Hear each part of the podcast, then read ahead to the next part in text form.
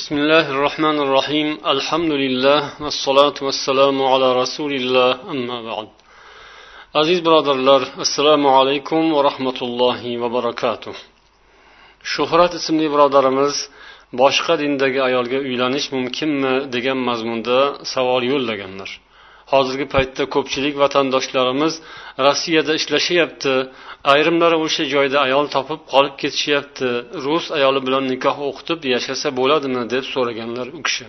Agar rus ayoli masalan islomni qabul qilgan bo'lsa albatta u bilan nikohlanish joizligida shubha yo'q. Biroq u islom dinida bo'lmasa boshqa dindagi ayol bo'lsa yoki umuman dini bo'lmasa bu masalada quyidagilarni aytishimiz mumkin. alloh taolo baqara surasining ikki yuz yigirma birinchi oyatida aytadi mushrika ayollar bilan to ular iymonga kelmagunlaricha nikohlanmangiz degan ibn kasir rahimaulloh yozadilar هذا تحريم من الله عز وجل على المؤمنين أن يتزوجوا المشركات من عبدة الأوثان mana bu oyat alloh taolo tomonidan mo'minlar uchun mushrikalarga uylanishni harom qilinganidir vatanlarga butlarga sig'inadiganlardan bo'lmish mushrikalarga uylanish mumkin emas. Ekanligi mana shu oyatdan e'lon bo'ladi. Undan keyin yozadilar yana ibn kasir faqad min zalika nisa ahli kitob alloh taolo mana bu yuqoridagi hukmdan ahli kitoblarning ayollarini xoslab alohida qilib ajratib chiqargan istisno qilgan ya'ni ya'ni moida surasining beshinchi oyatida olloh والمحصنات من المؤمنات والمحصنات من الذين أوتوا الكتاب من قبلكم إذا آتيتموهن أجورهن محصنين غير مسافحين ولا متخذي أخدان degan ya'ni bu oyatda alloh taolo mo'minalardan pokiza ayollarga va sizlardan avvalgilar kitob berilganlardan bo'lmish muhsona pokiza afifa pokiza ayollardan kimga bo'lsa ham uylanishingiz mumkin. Agar ularning mahrlarini bersangiz pokiza yo'l bilan taqvo yo'li bilan ular bilan no to'g'ri noo'rin noshar'iy aloqada bo'lmasdan o'ynash tutmasdan pokiza yo'l bilan nikohlanishingiz mumkin degan. Ya'ni bu moida surasining beshinchi oyatida. Mana bu bilan deydilar ulamolar mushrikalarga uylanish mumkin emas degan umumiy hukmdan alohida qilib ajratib olingan ahli kitoblarning ayollari deydilar. Muhsanat deganining ma'nosi ibn kasir pokiza taqvodor hayoli ayollar o'zining sha'nini nomusini saqlagan ayollar degan ma'noni berishgan yana ibn kasir yozadilar وقد كان عبد الله بن عمر لا يرى التزويج بالنصرانية abdulloh ibn umar nasroniya ayol bilan uylanishga ruxsat bermas edilar U kishi buni rad etardilar ya'ni nasroniy ahli kitoblardan bo'lgan nasroniy ayolga uylanishni joiz deb bilmasdilar. Aytardilarki la a'lamu shirkan a'zama min an taqula inna robbaha isa. Mening robbim iso xudoyim iso deydigandan ham ko'ra kattaroq shirkni bilmayman. Ollohni o'rniga isoni xudo deyishlikdan ham ko'ra qattiqroq shirk bormi? Alloh taolo mushrikalar to iymonga kelmagunlaricha ularga uylanmangiz deb aytgan. Ammo mana bu nasroniy ayol esa isoni xudo desa bundan ham katta shirk bormi deb abdulloh ibn umar bunday insonga uylanishni man qilar edilar deydilar ibn kasir o'z rivoyatlarida. Yana buni imom buxoriy ham rivoyat qilganlarini keltirishadi. Durarul hukkam sharhu g'uraril ahkam kitobida aytadilarki sahha nikahul kitabiyatil muqibbati bi nabiyyin. Biror payg'ambarga iymon keltirgan ahli kitob ayolga uylanish mumkin deb yoziladi. Yana buning sharhida keltiradilarki biror payg'ambarga iymon keltirgan degani ma'nosi shuki agar masihni iso alayhissalomni xudo deb e'tiqod qilmasa payg'ambar deb e'tiqod qilsa unga uylanish mumkin. Ammo xudo deydigan bo'lsa demak unga uylanish mumkin emas deyishgan. Lekin shunday bo'lsada umumiy hukm bu bilan rad bo'lmaydi. Ba'zi ulamolar ahli kitoblarga uylanishni karih ko'rishgan makruh ko'rishgan. Bu aytilgan so'zlar shu ma'noga dalolat qiladi.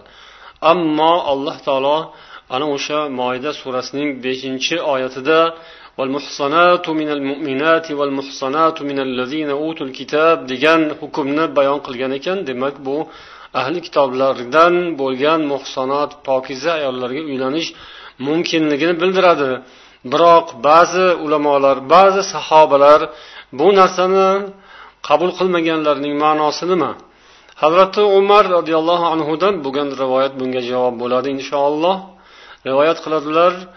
Bu rivoyatlar ibn kasir va ibn jarir at tabariyning e, tafsirlarida kelgan. Talha bin ubaydillah bir yahudiy ayolga uylanganlar ya'ni ular safarda jihodda yurgan paytlarida. Yana huzayfa ibn yamon nasroniy ayolga uylanganlar va bu haqda hazrati umarga ya'ni hazrati umarning xalifalik davrlarida bo'lgan bu holat u kishiga yozganlar shuning masalasini so'rab ya'ni biz mana shunday ishni qildik deb. Hazrati umar bu ishdan norozi bo'lganlar. Keyin ularni taloq qilishga buyurganlar. Ular yana xat yozib so'rashgan bu haromligi uchunmi mumkin emasmi? Hazrati umar aytganlar yo'q mumkinligi uchun emas deb aytmayman. Bu mumkin joiz. Lekin sizlarning bu ishlaringiz ana shunday insonlarga nopok ayollarga va mushrika ayollarga yo'l ochiladi. Boshqa musulmonlar ham mana shu narsadan ibrat olib ular ham mana shunday narsaga ko'proq murojaat qilishlaridan qo'rqaman deb hazrati umar bu narsaga ruxsat bermaganlar. Mabsud al mabsud kitobida hanafiy ulamolar tomonidan bitilgan al mabsud kitobida yoziladi عن علي بن أبي طالب رضي الله عنه أنه سئل عن مناكحة أهل الحرب من أهل الكتاب ali ibn abi tolib roziyallohu anhudan rivoyat qilinadi u kishidan ahli harb bo'lgan ahli kitoblardan bo'lgan ayollarga uylanish haqida so'raldi ali roziyallohu anhu buni yoqtirmadilar makruh ko'rdilar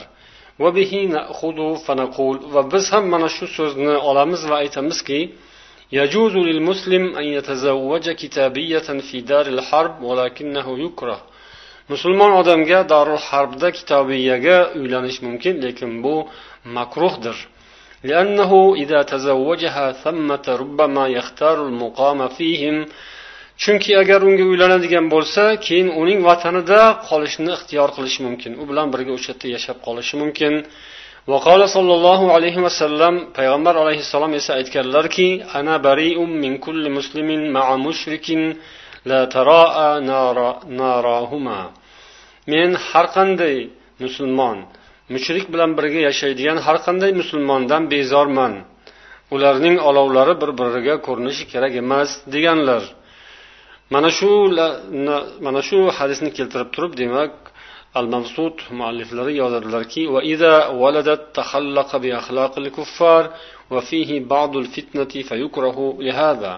undan keyin bir farzand paydo bo'ladigan bo'lsa u kofirlarning xulqlari bilan tarbiya oladi va bu yerda yana bir qancha fitnalar ham mavjud bo'lishi mumkin.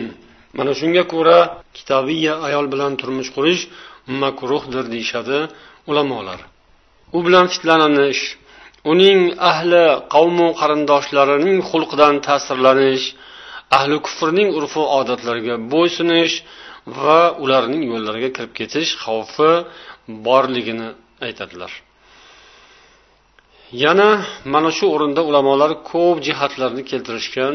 Bundan murod ahli kitoblarning ayollariga uylanishdan keladigan natijalardan biri musulmonlar ana o'shalarning yurtlariga hijrat qilishlariga sabab bo'ladi. Ularning yurtlarini vatan tutib o'z yurtlaridan voz kechib musulmonlar yurtini tashlab ketishlariga bu sabab bo'ladi.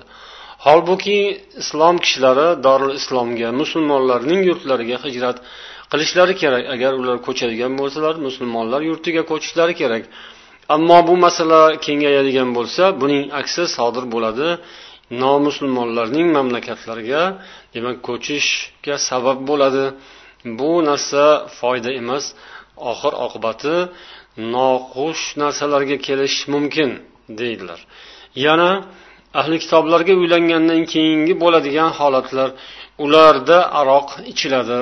Ya'ni taqiqlanmaydi to'ng'iz go'shti taqiqlanmaydi. Islomga zid bo'lgan ishlar harom ishlar ochiq oydin qilinadi. Ularning qonunida yoki ularning dinida bu narsa taqiqlanmagan va bular o'sha insonning ham e'tiqodiga diniga ta'sir qiladi. U ularning ta'sir ostiga tushishiga sabab bo'ladi.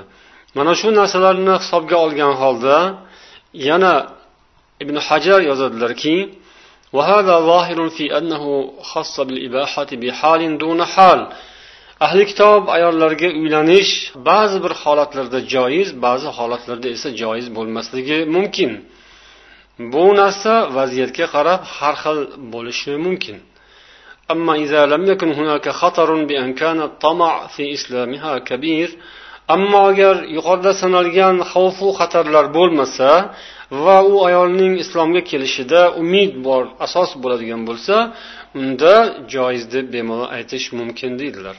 Mana shu so'zlardan kelib chiqib xulosa qilib aytish mumkinki u yuqorida savol so'ragan birodar rossiyada ishlab o'sha yerda doimiy yashab o'sha yerda uylanib qolib ketayotgan odamlarning masalasi demak bu biroz xatarli masala. U insonlarning qayerda qaysi shaharda qanday muhitda yashayotganlari ham e'tiborga molik. Rossiyada ham musulmonlar ko'p. Bir necha million yigirma million musulmon bor deyiladi. Lekin ular qayerlarda yashaydi? Hammasi bir joyda yashamaydi.